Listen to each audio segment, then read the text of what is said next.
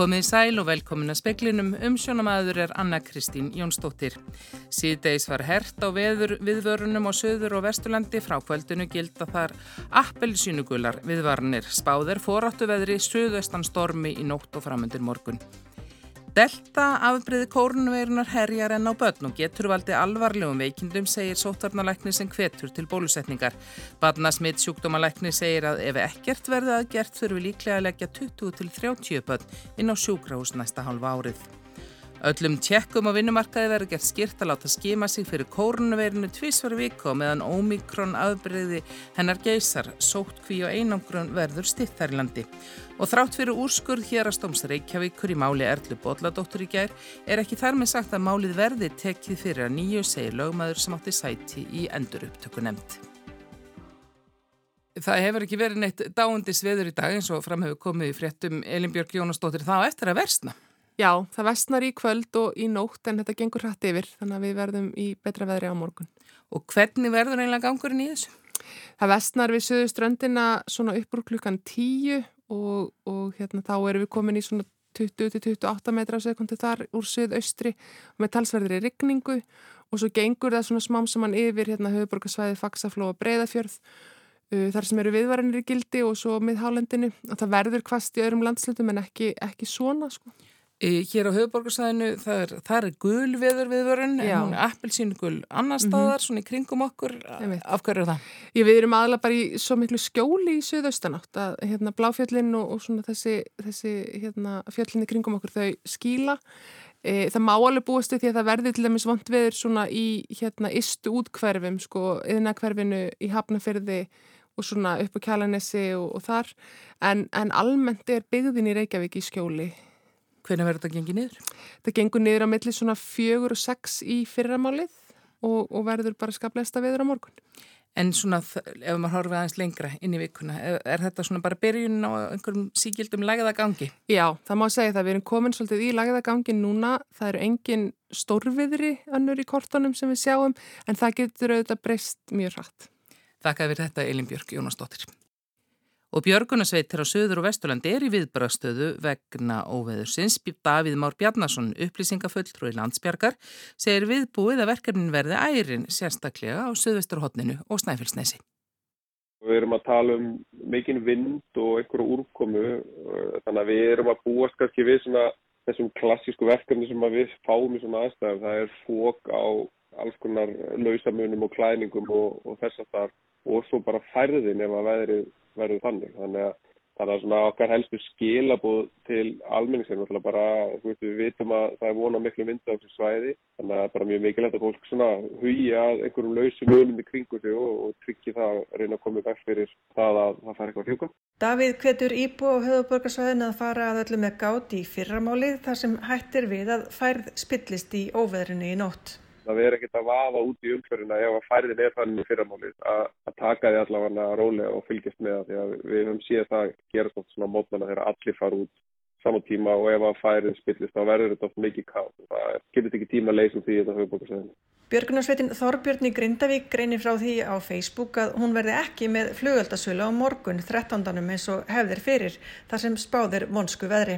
Af þeim sökum og þar sem óvissistug vegna jarðhæringa er enni gildi töldu Björgunarsveitamenn í Grindavík skinsamlegast að koma sveitinni og húsnæðinu í útkallshæfara form.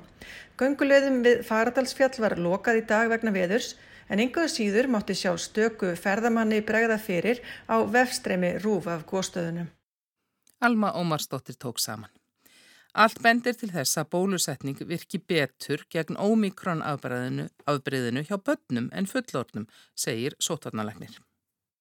Þetta kemur fram í pisli Þóról Skuðnarssona sótvarnalegnis um hvers vegna mælt er með að 5-11 ára gummul börn verði bólusett við COVID. Hann segir að börn sem fá tvo skamt af bólefni séu álíka vel varin gegn deltafbrið koronavirunar og fullornir sem hafa fengið þrjá skamta. Deltafbreyðið er enn algengara í smitum yngri barn en Omikron þó síðar nefnd afbreyðsjórði algengast á landsvísu. Þórólfu segir að þó svo ekki er 5-11 ára gammal barn hafi verið lagt inn á sjúkrós vegna COVID hér á landi, hafi 0,6% bandarískra og evróskra barna með einkenni þurft á sjúkrósinnlögnað halda. Þaraf hafi 10% þurft að leggjast inn á gjörgjæslu. Þórólfu segir að smit geti valdið alvarlegum veikindum en að aukaverkanir eftir bólusetningu séu markfall sjálfgæfari hjá 5-11 ára börnum en alvarlegir fylgikvillar COVID eftir deltasmitt. Ekki líka fyrir upplýsingar um hversu alvarleg veikindi geta hrjáð börn sem smitast af omikron afbreyðu COVID. Forsjármenn barna þurfa að staðfesta þeir vilja að börnin fá bólusetningu, annars verða þau ekki bólusett. Greini forsjármenn áum hvernig svara í bóðum bólusetningu verður barnið heldur ekki bólusett. Hilsugjæsla höfuborgarsvæsins hefur ákveðið að flytja bólusetningu 5-11 ára gamalla barna í laugardalsvöld.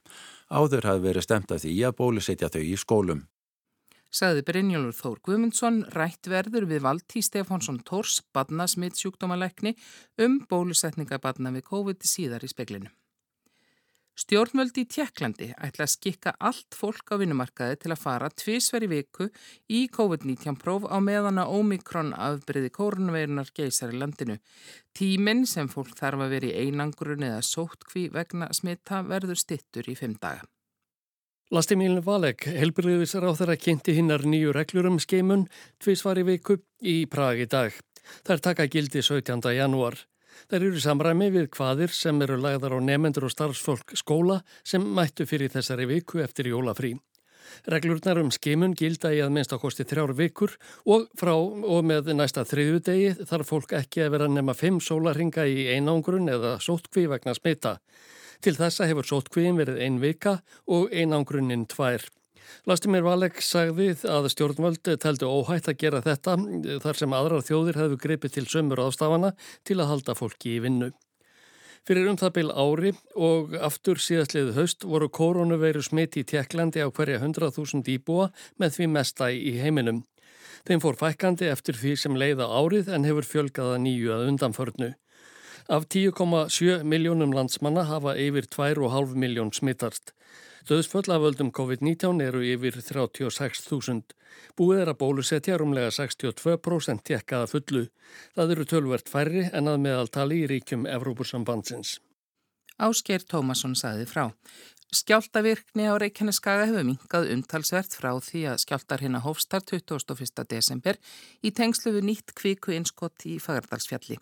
Nýjustu mælingar benda til þess að kvikan í innskottinu sé farin að storkna. Því lengri tími sem líður án breytinga í virkni, því minni líkur er á að þetta kviku innskott endi með eldgossi að það kemur fram á vef Veðurstof Íslands. Vísindamenn halda áfram að fylgjast vel með svæðinu og nýjar gerfitunglamyndir eru vendanlegar síðar í vikunni og þær varpa frekari ljósi á gangmála við Fagardalsfjall. Skoplustunga nýju 300 íbúðakverfi á Akureyri var tekin í dag. Formaður skiplagsraðs Akureyrar segir að allir innviður séu þar fyrir hendi og þetta sé hafðkvæm löst. Akureyringum hefur fjölgað töluvert síðustu ár og eru nú rúmlega 19.600. Fjölgaði bæjarbúum um rúmlega 400 á síðasta ári sem er yfir landsmiðaltali. Samhliða íbúafölgun hefur mikið verið byggt en til þessa hefur Akureyri verið að stækka til söðurs. Nýja hverfið er hins vegar norðandið Glerá. Þórhallur Jónsson, formaður skipulasraðs, tók fyrstu skóplustunguna í dag. Hérna eiga rýsa kannski um 300 íbúður sem að geta þá hýst kannski 700 til 800 íbúa. Þetta er svolítið blöndu byggð, þetta er bæði fjölbílshús og einbílshús og rathús, parhús líka. Þannig að það er mjög ánægilegt að geta komið þess á stað hér norðan Glerár. Þetta er fallegu staður hérna, útsýni allar áttir og klettar, nú getur einhver spurt sig okkur ekki bara lungu búið að byggja? Já, það, maður hefur nú svo sem alveg spáðið því sko, en, en þetta er kannski partur af þessu sem við erum að gera, að reyna að þétta byggðu og nýta innviðin okkar betur. Þetta er það hagkvæmasta sem við getum gert í uppbyggingu. Við þurfum ekki að reysa nýjan skóla, við þurfum ekki að reysa nýjan leikskóla, þetta er að þessir innviður eru til staðar. Hvenar getum við farið að sjá ungt fólk og, og, og fjölskyldur búa hérna það sem við stöndum?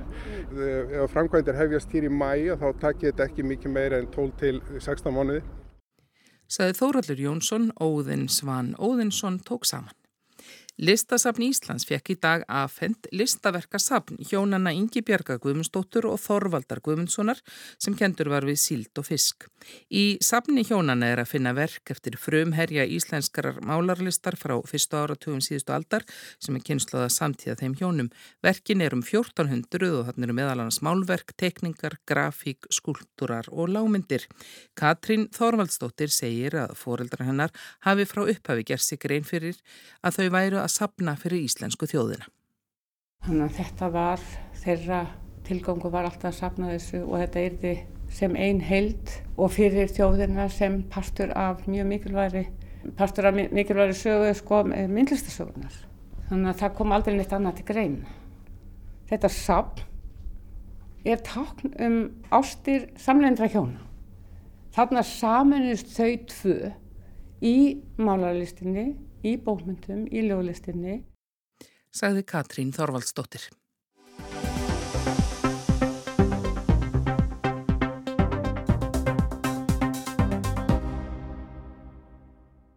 Í næstu viku hefjast bólusetningar yngstu grunnskólabarnana við COVID-19. Fóreldrum barna á aldrinum 5-11 ára verður bóðið að láta bólusetja börn sín. Það verður ekki gert nema forsjármenn samþykji bólusetninguna. Þegar hafa um 250 börn á þessum aldri verið bólusett en búist er við að mesti þungin verði í næstu viku. Undafærið hefur nokkuð borið á Eva Semdum fólks um bólusetningarnar.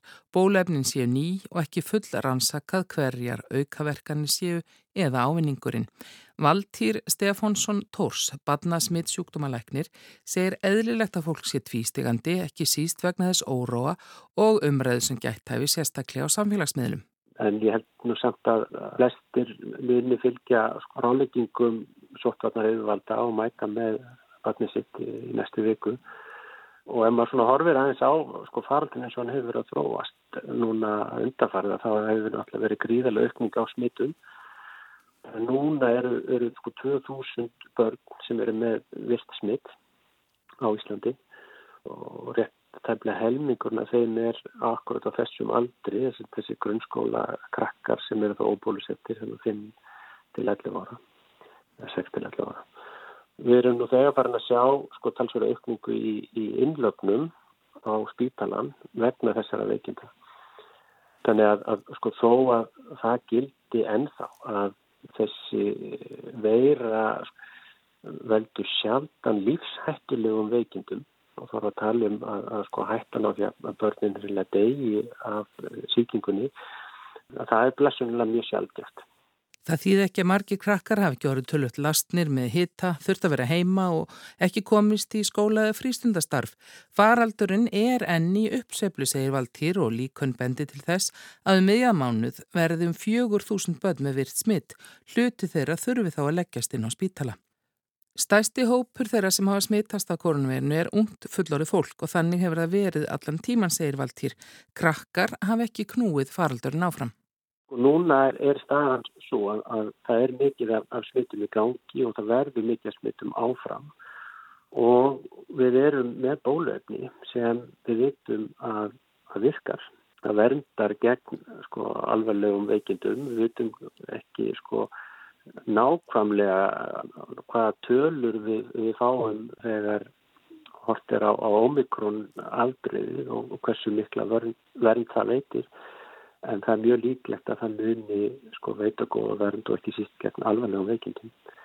Og ef, ef við myndum sko ákveða hreinlega bara ekki, ef að sóttvarnu yfir myndur hreinlega bara taka ákveður við ætlum bara ekki að gera neitt og það er þetta líka, það er sko aktív ákveðun. Sko aktív ákveðun að segja við eigum bólefni sem að, að virkar vel og eru örugt en við ætlum að taka það ákveðun að nota það ekki og, og við ætlum bara að taka afleðingur með því og það er, það, er okkar sem hægt væri að gera en, en ég tel hins vegar að, með það sem við vitum að verandi með þetta bólefni sem er þó að sé nýlegt og, og, og margir sko að tala um það að þetta sé einhvers konar tilröndastar sem á börnum sem er auðvitað ekki rétt. Um, þetta er bólefni sem að, að sko er Um, hefur nú þegar verið notað á, á sko, mörgum miljónum uh, barna og, og með, með góðri verkun og með sko, fáarauka verkanir Og þessi aðferðið að þróa bólefni er heldur ekki nýja af nálinu. Það er komin sko um það byrjum tíu ára reynsla með akkurat þess að tegund bólefna. Þannig að það er ekkert heldur þar sem að segja okkur að maður horfður til lengri tíma að það hafi einhverja sko lengri tíma afleðingar að nota bólefni. En auðvitað er það samt sem áður þannig að, að við erum í döðu sem að sko enginn hefur verið í áður og það er enginn sem veit 100% fyrir víst hvað sé rétt að gera. Þa, það er enginn sem veit að fyrir, fyrir, fyrir víst en hins vegar sko þarf að taka sér ákvarðin út frá þeim sko um, staðröndum sem við höfum í dag, út frá þeirri þekkingu sem við höfum í dag. Og það er alltaf, alltaf mikilvægt raunur að, að taka þannig ákvarðin. Bönn yngre en 12 ára eru nú stæsti hópur óbólusettra í landinu og því þau sem helst eru útsett fyrir nýju smitti. Valtýr segir erfitt að spá fyrir um hvað gerist þegar skólanir opna aftur en fyrir síðan þar kom upp smitt og starfið trublist. Ég tel það vera skjöft vorgangsadriði fyrir okkur sem samfélag að gera allt sem við getum til þess að reyna að halda skólastarfinu og frístundastarfinu sem eðlilegustu það er bara ljóst að það verður ekki sko núna næstu vikurnar eins og það var áður en faraldurinn brestur á en, en við ætlum að gera til við getum til þess að reyna að komast þánga. Það tekur vissan tíma fyrir bólöfni að skila fullri virkni og vernd. Því verður það ekki fyrir nú meðan februar sem þessi hópur verður komin með fulla vörn. Við höfum vel ekki tíma til að býða. Ef við ætlum að segja við ætlum að býði 1, 2, 3 mánuði þá erum við sennilega búin að missa af sko tækifærum til þess að, að sko gera eitthvað til þess að, að hamla útbreyslinni. Sko. Bólusetninga fyrir börn er alltaf fyrir börn. Ég eh, segi það núna og hef sagt áður. Þannig að það að bólusetja þessa krakka og þennan hóp er til þess að vernda þau gegn smitinu. Ef við gerum ekkert þá er mjög líklegt að það munir 20 til 30 börn að leggjast inn á, á spítalan næsta halv árið. Þannig að það, að það eitt og sér finnst mér sko verið alveg nægileg rauk bónusinn er, er síðan fyrir, fyrir mér ekki svo mikið að það sé að stoppa smitin í samfélaginu þess að ég held að börnin sé ekki líkilega þar heldur fyrst og fremst til þess að halda skólastarfinu gangandi og frístundartarfinu gangandi. Þegar maður svona horfur á þess að tvo kosti að bólusetja eða ekki bólusetja þá, þá del ég öll rögmæla freka með, með bólusetningunum. Sæði Valtýr Stefánsson Tórs, badnasmitt sjúkdómalegnir. Hérastómi Reykjavíkur feldi í gær úr gildi ákverðun endur upptöku nefndar frá 2017 um að hafna endur upptöku vegna dóms Erlu Bolladóttur í Guðmundar og Gerfinns málinu. Helstu forsendur úrskurðarins eru að endur upptöku nefndin hafi á sínum tíma með ófarsvaranlegum hætti litið fram hjá skýslu réttarsjálfræðinga frá árinu 2013 sem lögðu mat á trúveðurleika hjáttninga sagbortninga í málinu. Erla var dæmt fyrir meinsari í málinu á svona tveimur öðrum. Hinnir fimm sagbortningarnir í málunu fengu málsín upp tekin og voru þeir síknar í hæstaretti í september árið 2018 af öllum ákæruleiðum sem teknir voru upp. Þá var hins vegar ekki tekin fyrir sá hluti málsins sem snýrað sagfellingu Erlu, Kristjáns Viðas Júliussonar og Sæfars í Selski fyrir að hafa bórið rángar sagir á Einar Bodlason, Magnús Leopoldsson, Sigurbjörn Eiríksson og Valdimar Olsen að þeir hefðu átt hluta að dauða Gerfinns Einarssonar og smikklbrotum. Erla saði í Kastljósi í gær að Sævar sem lest árið 2011 hefði ekki verið sáttur við niðurstöðu hæstaréttar árið 2018 væri hann á lífi en hefði vafalöst glaðst yfir niðurstöðu gerdagsins. Sko ég veit að hann hefði ekki orðið ánaður með hæstaréttardómin 2018 af því að það, málinu var ekkit lokið þar. Þar var ábyrðin ennþá skilin eftir á mér, honum og Kristjánu Viðari. Þar sem við áttum að hafa borðið ábyrð á því eiga frumkvæðið að því að bera einhverja saklusa menn sögum sem aldrei gerðist sko. En hérna, þannig að ég veit að hann, hann hefði ekki orðið ánaður þann dag og ég var það alls ekki að því að réttlætið var ennþá ósýnilegt þar en, en í dag hérna ef ég var í skegn þá myndi ég hafa heilt í honum sko. Ástæðan er svo að enn stendur sakfellingi við þremenningunum Erlu, Sævari og Kristjáni fyrir að hafa borið rángar sakir upp á menn. Ragnar Aðalsteinsson, lögmaður Erlu, sagði í gær að tvær leiðir væri nú færar.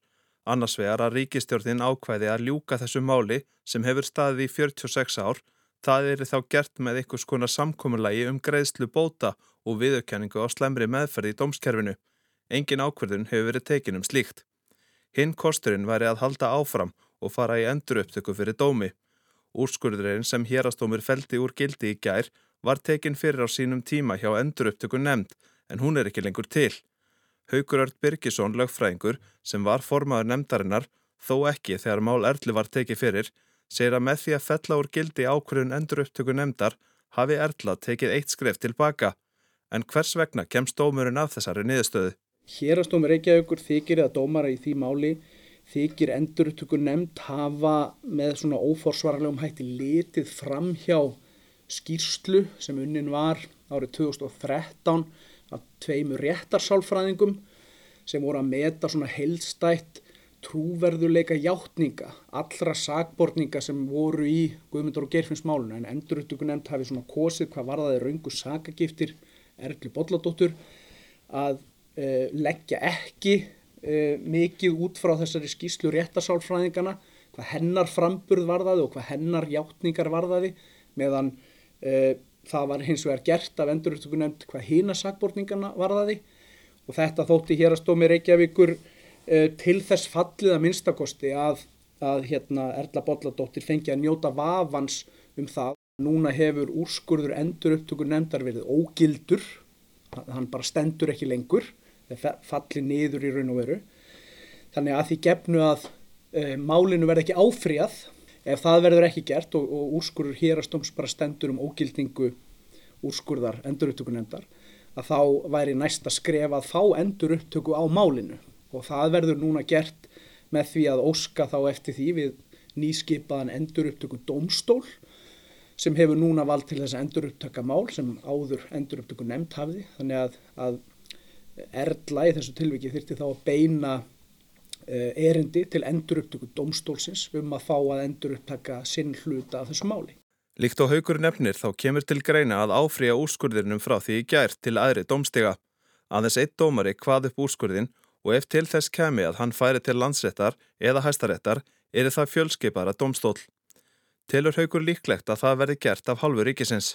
Ég, það er svo sem bara einhver, ég það er bara einhverja getgátur mínur um það, þetta er náttúrulega mjög umfangsmikið mál og bara úrskurðurinn í hérastómunum sem fjall hérna í gæri er einhverja 57 blaðsjör á lengt gögnmálsins eru gríðarlega umfangsmikil og, og hérna og fyrirlikur líka yfir þúsund blaðsinn og úrskurður enduröktöku nefndar. Þannig að það er svo sem í mörg horn að líta og ég hef ekki litið í þau en ég gerir á fyrir því að núna uh, sitt í fulltrúar ríkisvaldsins, íslenska ríkisins og ríkisaksónar yfir þessum úrskurðu og síðan meta það hvort að það er að áfrýja honum. Það kemur ekkert sérstaklega óvart ef málinu eh, verði áfrýjað bara í ljósi þess að það er mjög umfólksmikið og, og varðar mikla hagsmunni að fá málið endur upptykkið en á sama tíma er svona hvað var að segja, kannski einhverja bylgjur í, í, í samfélaginu sem svona líta á, heyrðu það, hérna, er, hérna var fólk sem var einhverjum órétti beitt og nú þarf bara endur upptaka þessi mál og leifa þessu fólki að taka til almennilegar varna. Ég veit ekki hvort að svo leiði sjóna með spila inn í ákvörðunum það hvort að það er áfrýja þessu tiltekna úrskurðið ekki. Líkt og áður var nefnt hafa verið gerðar breytingar á endurupptöku dómsmála. Endurupptöku nefnd var lögð niður árið 2020 og endurupptöku dómur settur á í staðin. Endurupptöku nefndinni var komið á fót á sínum tíma til að kveða áum hvort taka ætti upp dóma ef til að mynda ný sönunagögn kemur í ljós. Dómur fellur segjum bara árið 2001 og svo árið 2008 koma kannski einhver ný gögn í ljós, einhver ný sönunagögn sem ekki voru til þegar dæmt var í málun árið 2001 sem leiða eða kunna að leiða til þess að önnur niðurstaða hefði fengist í málu. Það er ekkit óalgengt að slíkt geti gerst. Aðstæður breytast og ný vittneska kemur fram og svo framvís og framvís og þekkjum auðvitað mörg dæmi þess bara úr bandariskum fréttum að það koma, það kemur ný tækni í sagamálum eins og DNA rannsóknir og svo framvís og framvís sem leiða, leiða kannski til þess að aðilar sem voru sagfældir fyrir mörgum mörgum árum síðar, síðan eiga möguleika að fá mál sín enduruttökin og krefja síknu þá grundveld þessara nýju gagna. Mm. Þannig að enduruttökunend er komið á lakirna svona til þess að taka á þessum atriðum. Síðan verður það þannig að, að e, þegar enduruttökunend hefur starfað í mjög langan tíma að, að, e, og hefur hafnað enduruttöku í tilteknum málum að aðeinar hugsa með sér byrju af hverju á enduruttökunend sem er stjórnsíslu nefnd, ekki dómstól að hafa heimil til þess að fella úr gildi dóma því að dómar eða dómarar og dómstólar njóta ákveðinar verndar bara í stjórnarskrá Íslands og það eru bara dómarar sem geta kveðið dóma og þannig að það skýtur skökku við að stjórnsíslu nefnd geti í raun og veru ógilt dóma sem dómstólar landsins á grundvelli stjórnarskrár hafa felt eh, eða, eða hérna kveðu upp mm. og af þeim sökum var talið rétt að breyta í raun og veru stöðu endurupptökunemdar innan stjórnskipunarinnar og gera nemdin að sérstökum domstól þá í skilningi stjórnarskrárinnar þannig að framvegis skuli það vera sérstaklega domstól sem tekur, af, eh, sem tekur sko afstöðu til þess hvort að það er endurupptaka fyrir domsúrlösnir í stað einhverja stjórnstíslunemdar og það er framkvæmdinn sem hefur verið núna undanferðið ár. Mm -hmm. En hvernig er þá samspil þessar þessa endur upptöku domstóls og bara almenna domstóla? Í raun og veru, það hefur orðið frekar lítil breyting, svona praktist séð.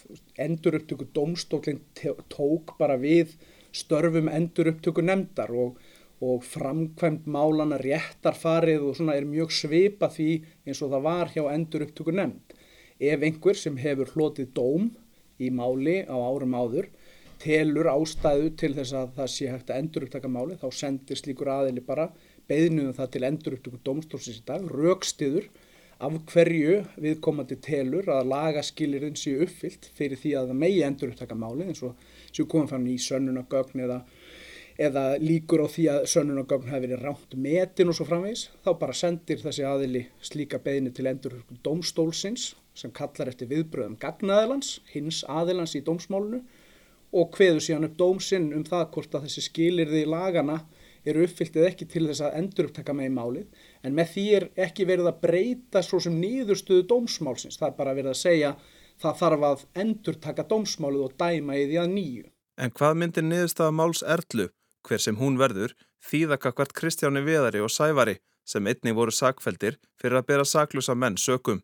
Ég lít svo á að, að, að sagt, það er bara þáttur Erlu sem var hér undir í málinu og það var Erla sem óskaði eftir endurupptöku uh, hjá endurupptökun enda á sínum tíma vegna þessar raungu sakagifta varð ekki kápan úr því klæðinu hef, sá úrskurður hefur nú verið feldur úr gildi. Þannig að Erla þarf núna sjálfa að sækja um endurupptöku hjá endurupptöku domstól sem hún gerir þá væntilega vegna þessar raungu sakagifta. En, en svo endurupptöka varðar þá bara hana sjálfa aðstandendur annara þurfa þá sérstaklega óska eftir endurupptöku hvað þeirra þátt varðar varandi þessar raungu sakagiftir. Málið hefur ekki enn verið endur upptikið. Þrátt fyrir þennan úrskurð sem fjall í gær þá hefur mál Erlu Bolladóttur ekki verið endur upptikið. Það þarf auðvitað að gera það. Þó að þessi úrskurður hafi fallið í gær þá þýðir það ekkit endilega að endur upptöku domstól komist að þeirri niðurstöðu að skilir þið lagana til endur upptöku séu uppfyllt. Það á eftir að fara í gegnum það. Það má alveg geta þess til svona sem með því að lesa dóm hérastóns Reykjavíkur frá því í gær að það séu nú kannski einhverja vísbendingar til þess að út af því að hann er bara ágætlega raukstutur þessu dómur að niðurstaðendur dóms kunni að vera á sömu leið en það er alls ekkert sjálf gefið. Þannig að eftir sem áður hefur málið ekkert verið endur upptikið ennþá það þarf að gera það og ef fallist verður á endur upptöku málsins þá fer það aftur til hæstaréttar gerir ráð fyrir og, og hérna þá er ekkert loku fyrir það skotið að málsæðala reynir að ná einhverju sátt í málinu. Það getur gerst bæði fyrir og eftir að fallist er á endurökkum málsins en þetta eru svo sem bara einhverja getgátur en, en það væri þá svona eðlilega næstu skref að óska eftir endurökkum. Segði Haukur Örd Birgisson, lögmaður Bjarni Rúnarsson talaði við hann. Veðurhorfur eru þær að það verður víða suðaustan stormur eða rókinótt dregur smán saman úr vindi á morgun. Þurftamestu norðanlands annars rigning eða slitta með köplum.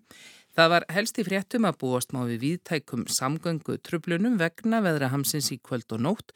Björgunarsveitir á söður og vesturlandi er við öllu búnar. Delta afbríði kórnveirunar herjar enn á börn og getur valdið alvarlegum veikindum, segir sótarnalæknir sem hvetur til bólusetningar. Badnasmitt sjúkdómalæknir segir ef ekkert verður aðgert þurfi líklega að leggja 20-30 börnin og sjúkrós næsta halva árið. Öllum tjekkum á vinnumarkaði verður gert skilt að láta skima sig fyrir kórunveirinu tvísvar í viku á meðan ómikron afbreyði veirunar geysar. Sótt kví og einangrun þar í landi verður stitt. Fleir er ekki í speklinum í kvöld, tæknimaður var Jón Þór Helgason, veriði sæl.